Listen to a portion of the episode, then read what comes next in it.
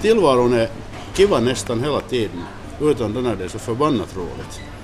Att det är ungefär sådär som är. Det här säger Saliven Gustafsson, som väl när jag riktigt tänker efter faktiskt är döpt till Sigurd. Men så länge jag har känt honom har han kallats Saliven. Men det är i alla fall han som är huvudperson i dagens samtal om livet. Och mitt namn är Ann-Sofie Sandström. En söndag i vintras gick jag på bio i Helsingfors och såg den spanska filmen Beautiful. I något skede under filmen kom jag att tänka på saliven.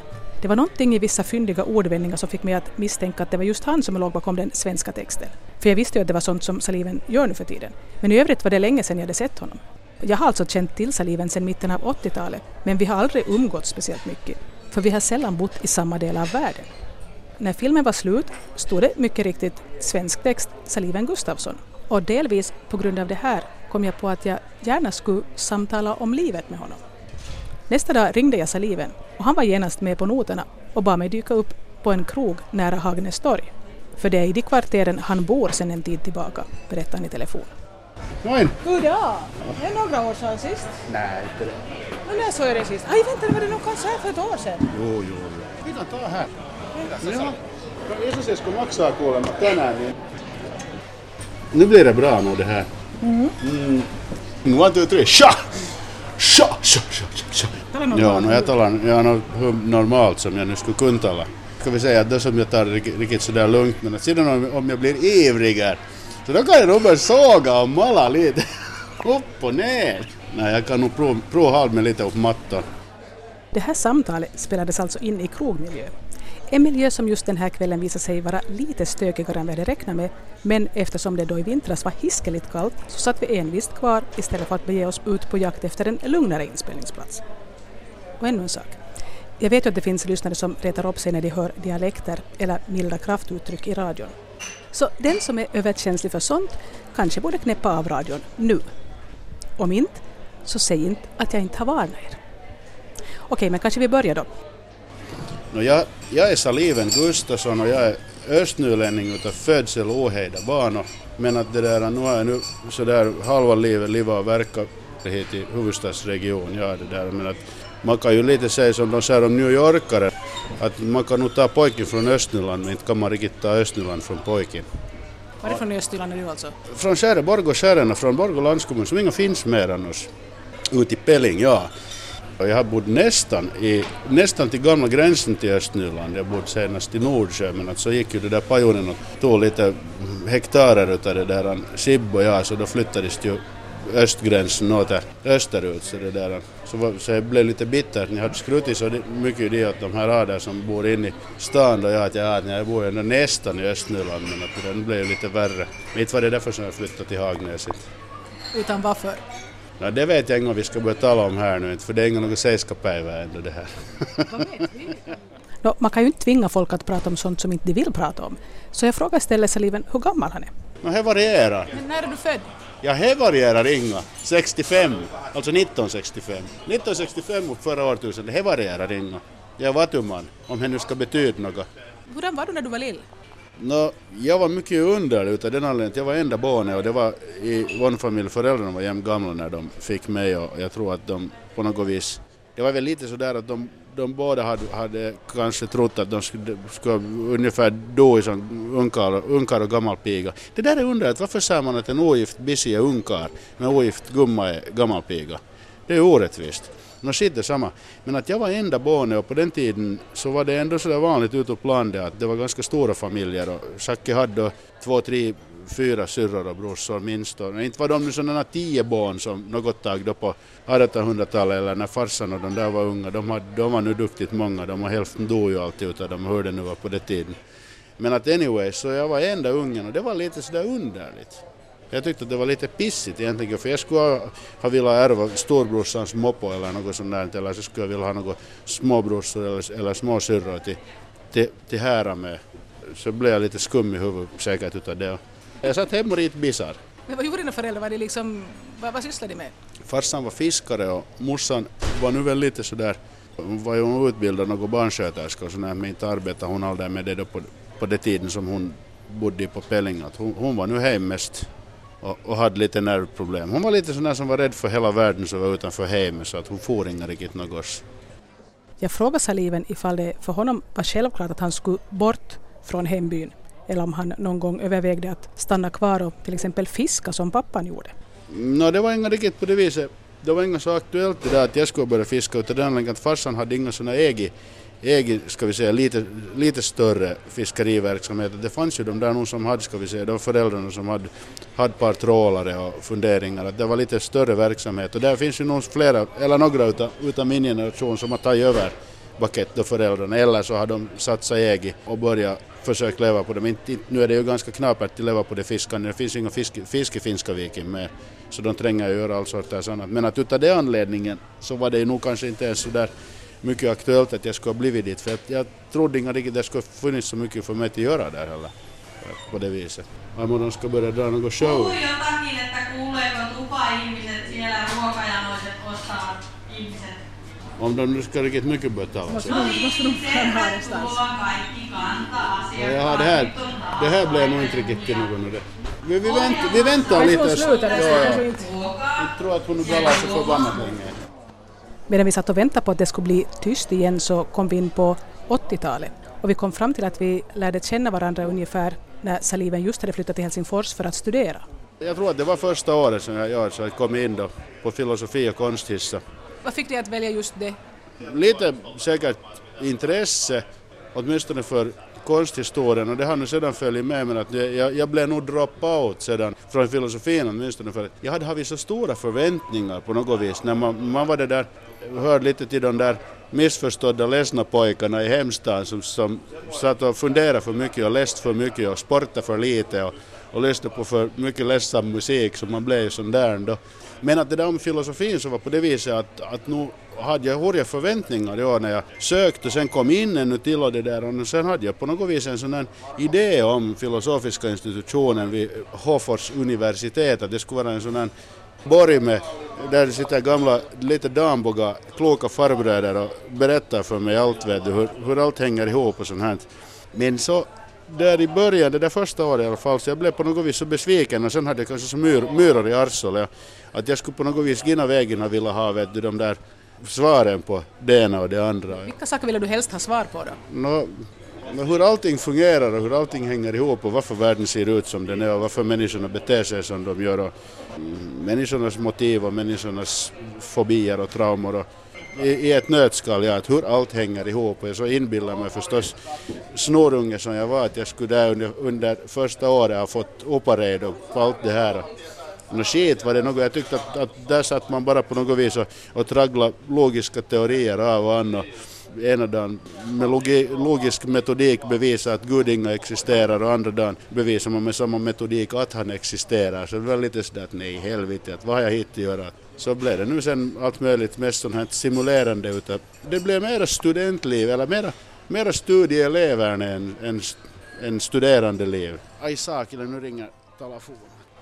Hörde, jag, jag får ring senare för jag är mitt uppe i intervjun. Jo, moin. Och när du var här och levt studentliv då liksom, eh, hur länge höll du på med det? No, vi måste få tillbaka till det att jag blev så fed up där på den där filosofiska institutionen. Nej, Jag tyckte inte att de där skäggen svarade åt mig något så, så inte orkade riktigt sitta dit heller och lyssna. Så började man ju arbeta med ett och annat och det där. Och, och jo, jag hade en sån här period. Jag, jag trodde faktiskt att jag skulle bli lärare i något skede. Och så hoppade jag av sedan till, till pedagogik men att jag skulle modest fara upp till Vasa för att till, till läsa mig till skollärare på svenska. Och jag ville inga far till Vasa inte. Så, så det där, där, här i Helsingfors så finns det ju det där vuxenpedagogik och sån här annan sorters sån här, inte direkt sån här skollärarutbildning.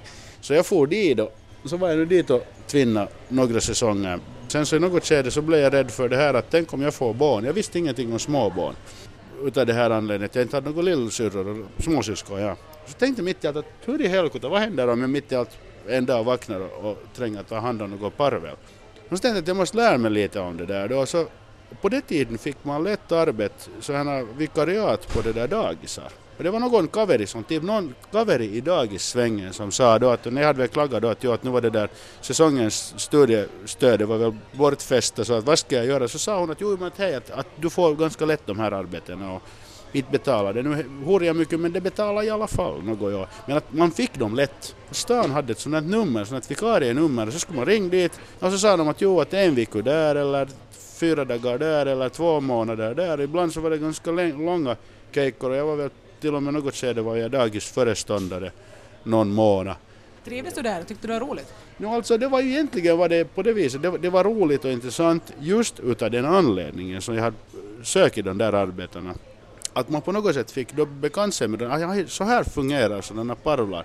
Förstås var de ju inte riktigt de där små minsta bebisarna men att det där, nu var ju den där yngsta var ju sådär lite över ett år, vad, vad man nu är när man får på dagis. Så att nu var det ju lärorikt som tusan. Det fick man ju då det där lite se att jaha, det är sådär de tojmar de där. Nå, det var nu sin tid som, som det var med de där arbetena så tror jag att hur det nu sedan var så inbillar nog mig alltid emellanåt att jag skulle fortsätta läsa och studera något sånt men att inte hade jag ro sedan inte. Och sen så började det komma alla möjliga mediadon och så snurrade jag nu i media det där och det betyder nu Hufvudstadsbladet och TVn och radion. Bra många år. Först på det där gamla hederliga programradion och sen är nu vi radioreformens extremare vägar och funderingar och, och så råkade det börja komma sådana översättningsjobb och så nu de här sista ungefär fem, sex åren så här nu var det lite var det som du sa att man säger i Österbotten, stuggubränning, man sitter hem i hemkontoret och översätter så att det där det är nog där som jag är nu. Du får till det här dagiset för att lära dig liksom om unga, men du fick ju något barn nu? Jo, jag fick ju sedan senare fick jag. Nu har jag två, två döttrar har jag nog, men att de kom ju sedan senare. Då. Och nu var man ändå lika handfallig då sedan när de kom. Oberoende fast man inbillade sig att man hade vetat något om de där barnen. Minns jag fel nu eller fick du två ungefär samtidigt? Ja. Och det var inte tvillingar? Nej. Man skulle kunna tycka att det skulle vara sådana irländska tvillingar men att det där, var det inte så att de säger att irländska tvillingar är de där som har ett år emellan eller är det nio månader? Nej, det kan de väl inte ha, tio månader kan de väl ha ungefär. Det lär vara irländska tvillingar. Ja, nej, nu blev det så ja. Två, två dotrar. Hur gammal, hur gammal var du när du blev far? Nå, 91 blev jag, vad va, va var jag då? 65 född, under 30. Jag hade nog haft en sån här idé just utav den anledningen att när mina föräldrar var på något vis, tyckte jag, så gamla. Alla andras föräldrar var unga och pigga och raska. Mina var på något vis sådär underligt gamla. Då hade jag nog haft en lite snabbt hopp på att jag skulle ha blivit en ungerfarsa för att jag skulle vilja på något vis att den där ungen skulle ha en yngre och piggare farsa som skulle orka leka med den och sen lite senare skulle orka fara på festival. Eller att farsan orkar komma med på festival. Nå jo, ja, nu blev jag ju sen någorlunda ung farsa ändå, jämförelsevis. Trivdes du med ett sådant familjeliv? Jo, nu gjorde det nu. Men att det är ju sådana, de där grejerna är ju säkert inte för någon så som man har trott och så som man har väntat sig och inbillat sig. Och, fast man kanske kan ha några modeller. Somliga har ju säkert goda modeller hemifrån, andra kan ha sämre modeller hemifrån. Somliga kan tänka att, jo, att att följa just farsans och morsans e- eget exempel, eller farsans och morsans exempel, att det är en god grej och somliga kan, kan ju ha förstås leva upp i sådana situationer att, att, att, att händer det åt mig så jag gör allt precis tvärtom, att vad fan som helst som, som händer. Jag tror att jag hade nog säkert lite delvis båda två, att somliga grejer vill jag säkert göra så som jag hade upplevt hem, men att andra grejer var nog så på något vis totalt tvärtom. Att, att det där. Men att, nu, det där säger nog alla som hamnar i den där familjesituationen. Att det, där, att det, det är ungefär att de bör lära sig från scratch. Att sen när det händer så är det, det är bara som regelboken ut genom fönstret. Vissa grejer som jag trodde att var på ett visst vis så, så kunde vara kanske No, det kunde vara både positiva och negativa överraskningar. Att en del grejer som jag trodde att skulle vara hurja svåra så var inte heller. Och sen sådant som jag trodde att, att ja, det, här, det här klarar jag ju, så det klarar man inte fan. Men vilka saker var du bra på som farsa då? No, till underhålla dem. jag, jag tror att kanske mitt ansvar och sånt här är säkert sådant som man på något sätt växer till och sådär men att jag tror att no, det är nu svårt, inte kan jag börja skryta om vad jag var bra på men jag kan säga kanske det sen var dålig på att jag skulle nog säkert ha, borde ha lite, ha, ha vi längre nerver. Att jag tyckte att jag hade, hade dåliga nerver i situationer som jag tyckte att ingen klarade av.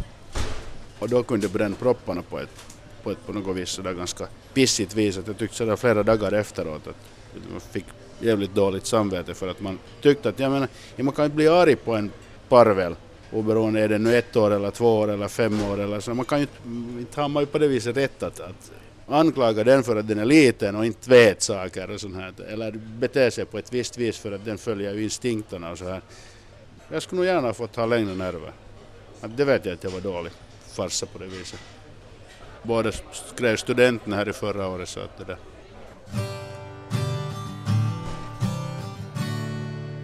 Saliven Gustafsson nämnde här tidigare att han började studera filosofi för att han ville få svar på de här stora livsfrågorna.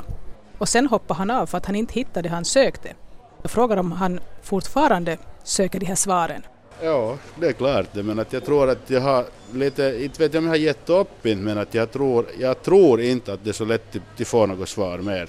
Som då ska vi säga för kanske 10 eller säkert åtminstone för 20 år sedan så var det nog så att jag inbillade mig att någon skulle ha något svar men nu, nu har de kommit fram till det att inte, inte tror jag att någon vet. Hur förhåller du dig till det då? No, på sätt och vis är det lite spännande för att det där, egentligen, alltså, det finns något som är jävligt skrämmande och det är att ha rätt. Och det där, jag, jag på något vis, jag tycker om att få uppfattningarna på något vis du, skrotade eller något som jag trodde att var på något vis att så här är det. Och sen, sen kommer någon och lägger goda, goda argument för att, jo, att saken är eller kan vara på ett annat vis, att, att någon serverar ett bra alternativ. Och då är det lite så där som om världen skulle vet du, ha äh, flyttat sig ett par milli. Och det tycker jag är förbannat roligt. Att det, för att, att nu, är, nu lever man ju ändå ganska sådär långt i rutiner fast man försöker protesterar mot rutinerna fast man försöker bryta rutinerna fast man försöker på något vis variera sin vardag så långt som det nu går. Men att sen när man börjar kika, ska vi säga, en vecka tillbaka eller en månad tillbaka eller ett år tillbaka så börjar man nog se att nu gör man nästan ändå samma saker varje dag i samma ordning. Så därför är det så sabla attraktivt att om någon kan mitt i allt komma och servera något som lite, för, åtminstone för en stund kastar om det där, sakar lite det där packan. Att, aj, ser du, och det, det är ju lite sådär, jag hoppas nu, nu nästan varje dag att det skulle hända något sånt här, men att å andra sidan inte, man är ju inte så, så social numera heller. Att förr i världen när man säkert var mer eller mindre översocial och tvinnade hela tiden med miljoner människor så då fanns ju den där, det fanns ju flera chanser att någon skulle mitt i allt komma och servera något. Om nu inte odödligt så i alla fall halvodödligt, så den som fick en till fundera. När har det senast hänt då att någon skulle servera något sånt? No, det var nog svårt, det var en svår fråga det där. Det kan hända att det är så länge sedan att jag inte riktigt kommer ihåg. Jag kommer inte ihåg exakt inte. Nej men ja, det händer emellanåt. Det nog händer det emellanåt. Mm. Jag har nog eremitifierat mig bra mycket jämfört med förr i världen så jag säkert var översocial till och med. Då hade jag en sån här underlig rädsla att jag måste, jag måste vara med i all projekt bara som kom emot. Varje band som något halveländiga människor kassade ihop och frågade att är du med? Jo, jo, jag är med varje programprojekt, jo jag är med. Allt skulle vara med bara. Nu är det lite så att jag nog lärde mig att säga nej. Det låter som det här ditt tidigare sätt att vara skulle vara som ett recept för att bränna ut sig och laga sig helt slut. Ja, ja, ja. Tyvärr var det ju lite och det att det sammanföll ju i, i, det, i det skede när, eller det sammanföll med det skede som jag var småbarnsfar, eller det var före det och sen ännu lite för länge efter det. Att det var ju sen ännu till då det där att då hade man ju ett sådant familjeliv som säkert krävde mycket mera då eller inte säkert, utan som ju krävt mycket mera och som borde ha krävt mycket mera.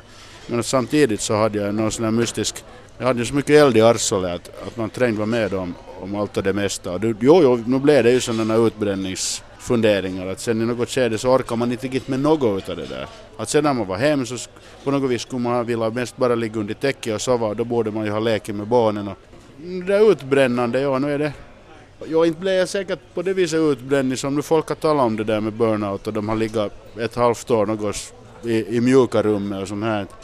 Men nu var det säkert lite fem för ännu. Förstod du själv att dra i bromsen eller var det så att det kom väggen emot på annat sätt att du liksom måste ta mindre på eller var, var liksom... Det var nog lite kombination utav, utav det att då min yngre dotters mor, så hon är nu är kvinna med, med två ben som hon använder till att marscha med och upp har hon ett huvud som hon använder till tänk med.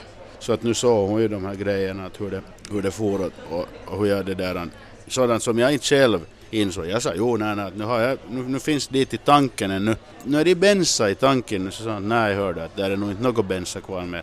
Och nu var hon ju en sån där som på något vis så fick lite banka i huvudet åt med det där att, att att man helt enkelt måste börja lite välja, välja bort ungefär vartannat projekt för att de projekten som man har kvar att de skulle ens bli halvbra. Men nu snajar ju det själv sedan och nu har det ju varit egentligen ända sedan det som, ända sedan det som jag slutade med, med alla de där mediearbetena så då har jag nog egentligen varit så förbannat nöjd. Att det har ju nog förstås, det har förstås betyder nog att det, det där sociala livet har blivit på något vis en sån här, ett 10 procent kanske kvar för att en stor del av det där, no, det arbetet var ju så socialt och sen man hade hela tiden med folk att göra och sen var det bra mycket av de människorna som man hade att göra med på fritiden och sådär. Att nu har det ju blivit en, en sån här eremittillvaro men att inte, jag hakar mitt i allt sedan att inte, inte stör det inte. Det är egentligen, det är rofyllt.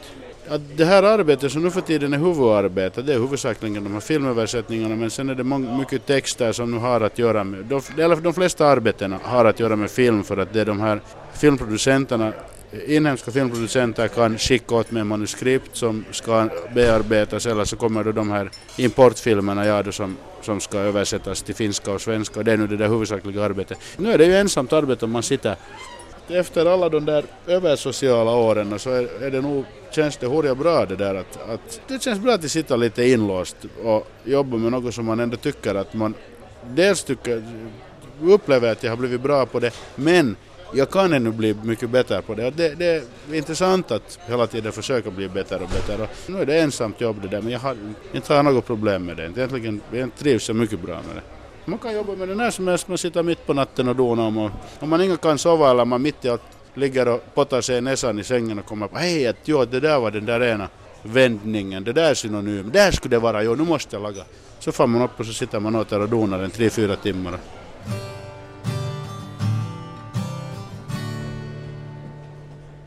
Saliven har flera gånger nämnt att han numera är mycket lugnare och har längre stubin än vad han hade när han var yngre. Så jag frågar om den här förändringen bara beror på ålder eller om han medvetet har försökt förändras. No, det är nog säkert båda två. Inte ännu riktigt det där skarpaste mejseln i, i kalvbacken precis inte men, att, men så tollar jag nu inte ändå att jag inte skulle ha insett i något skede att man måste börja lite ändra på de där grejerna för att när man har något 15, 15 bollar i luften och jag kan ändå inte jonglera med mer än tre. Jag kan jonglera med tre bollar. Men alltså när, när det börjar vara mer än det så det där nu det var, det var ju riktigt, det var ju fullständigt måste på att börja och ändra på den där metoden för att nu var det ju när man just jobbar med alla möjliga projekt och varje projekt har sin deadline och sen när man inte kan säga nej så till sist har man ju 15 olika funderingar i almanackan och alla borde vara färdiga idag så nu inser man att det inte blir till något. Sen i något skede så då slutar de där arbetena till komma när inga deadlinen håller med. Så, att det så det var lite det som hände? Var det delvis det. Var det delvis det nu. Ska vi ta rökpaus? Jag röker inte när jag... Men kom ut och se. Så kan jag fundera om det är något, om det är något smart som jag skulle vilja säga. Nå gott blev vi. Jag tänkte på liksom det, att vilka saker blir du riktigt glad av? Nå, ska vi säga så här att bara man skulle få ihop kassan och gå ut av de här gamla banden så då tror jag att livet skulle läsa förbaskat mycket för nu skulle jag ha tid till att ägna mig åt dem som motvikt till sitta hem det där och bli stuvbrännig. Det är nu sådana fritidsdrömmar på sätt och vis säkert. Men att jo, det som nu gör, alltså eh, ja, det som vi talade om tidigare, att det är nog sådana som räddar dagen när det händer något som ändrar världsbilden. Ens lite. Då blir jag jävla glad. Sen förstås nu arbetet, nu, nu kanske man är lite arbetsfixerad men att det här arbetet är lite sånt att då när man har gjort någon faktiskt en sån här bra grej jämfört med alla de här Motorsågsmassakern del 25 som man ju nog måste göra för att jag är en så girig jävel att jag säger aldrig nej till något arbete. En stor del av de här arbetena är ju nog sådana att man undrar att varför är den här filmen lagad utav vem och för vem? Men att så lagar man nu bara och så skickar man iväg den och så glömmer man hela saken. Men att jag såg den där spanska filmen Beautiful som jo, var så Det var ju faktiskt en sådan att när det, en sån här grej kändes så viktig, den kändes viktig som film och då ville man ju säkert själv på något vis satsa lite mera och försöka arbeta sådär på toppen utav kunnande. Och sen när det lyckas, när man hockar att hej, att nu det här blev bra, det är nog en sån här. Men det är ju lite plättigt kanske att vara på det viset arbetsfixerad, men att vad fan inte, det är ju något fel på det heller. Eller arbetsfixerad, men att det är inte något fel att uppleva utav arbete sådana saker. För att jag tror att det är ganska många säkert som inte som har arbete som de har och kanske inte i samma mån upplever sådana, vad heter det nu, det som är viktigt för barnen när de växer upp. På finska heter det onnistumisen kokemuksia, framgångsupplevelser, eller just det här som är viktigt för, för barnets utveckling, att uppleva de här, att de kan då när de har lärt sig att gå eller när de har lärt sig alfabetet första gången eller något i den här stilen. Jag menar, nu är det ju viktigt för vuxna, nu är det viktigt hela livet. Och de här grejerna är säkert viktiga. Alltså om, om man nu då råkar ha ett sådant arbete att man kan få de här upplevelserna, då fan är det ju en bra grej. Det är alltid så roligt att jobba med någon text som är bra från början och då vill man ju göra sitt bästa. Har du någonsin haft det här att det skulle ha varit viktigt för dig att försöka liksom hitta något jobb där du skulle få en otrolig massa pengar, att det skulle vara pengar som skulle motivera dig i första hand? No, nu kan man ju alltid gnälla att man får för lite, eller ska vi säga så här att de som påstår att inte pengar gör en lycklig, så de har inga fantasi för att nu vet jag nu givetvis vad fan jag skulle göra om jag skulle ha en miljon, att jag skulle nog kunna göra mycket, förverkliga mycket saker som skulle göra mig glad på ett helt annat sätt. Vad skulle, du, vad ska du börja med att göra då? Köpa nya trummor och laga studio åt mig och det där och kassa ett band jag skulle kunna fast fara gratis och spela så att jag skulle få spela. Nu skulle det göra mig mycket glad men att det är ju en helt annan sak. Att jag menar, det är, du blir ju lycklig på en öde ö med en, när du har fått en fisk om du inte har ätit på en vecka. att det där det är ju relativt. Nu vet jag alla möjliga roliga saker jag skulle kunna göra med den där miljonen men att men inte är det så att mitt liv är misslyckat för att jag inte har den här miljonen. Jag glömde fråga här tidigare hur det riktigt blev med Salivens studier. Tog han någonsin någon examen? No, jag samlade på mig lite härifrån och därifrån men att jag, jag var nog inte ens nära något examensarbete. Det, det var ju på sätt och vis så kan man ju nog säga det att, att nu var det ju en, kanske det där studielivet var, var något, en aning livsstil på den tiden och det är ju säkert inte lika möjligt idag mer. Att inte fick man ju något som duger att sätta i någon sån här curriculum vitae. Men att nu det där, varje kurs eller varje sån här grej gav ändå något. Varje arbete som man gjorde, varje uppsats som man skrev och sånt, visst gav det ju något.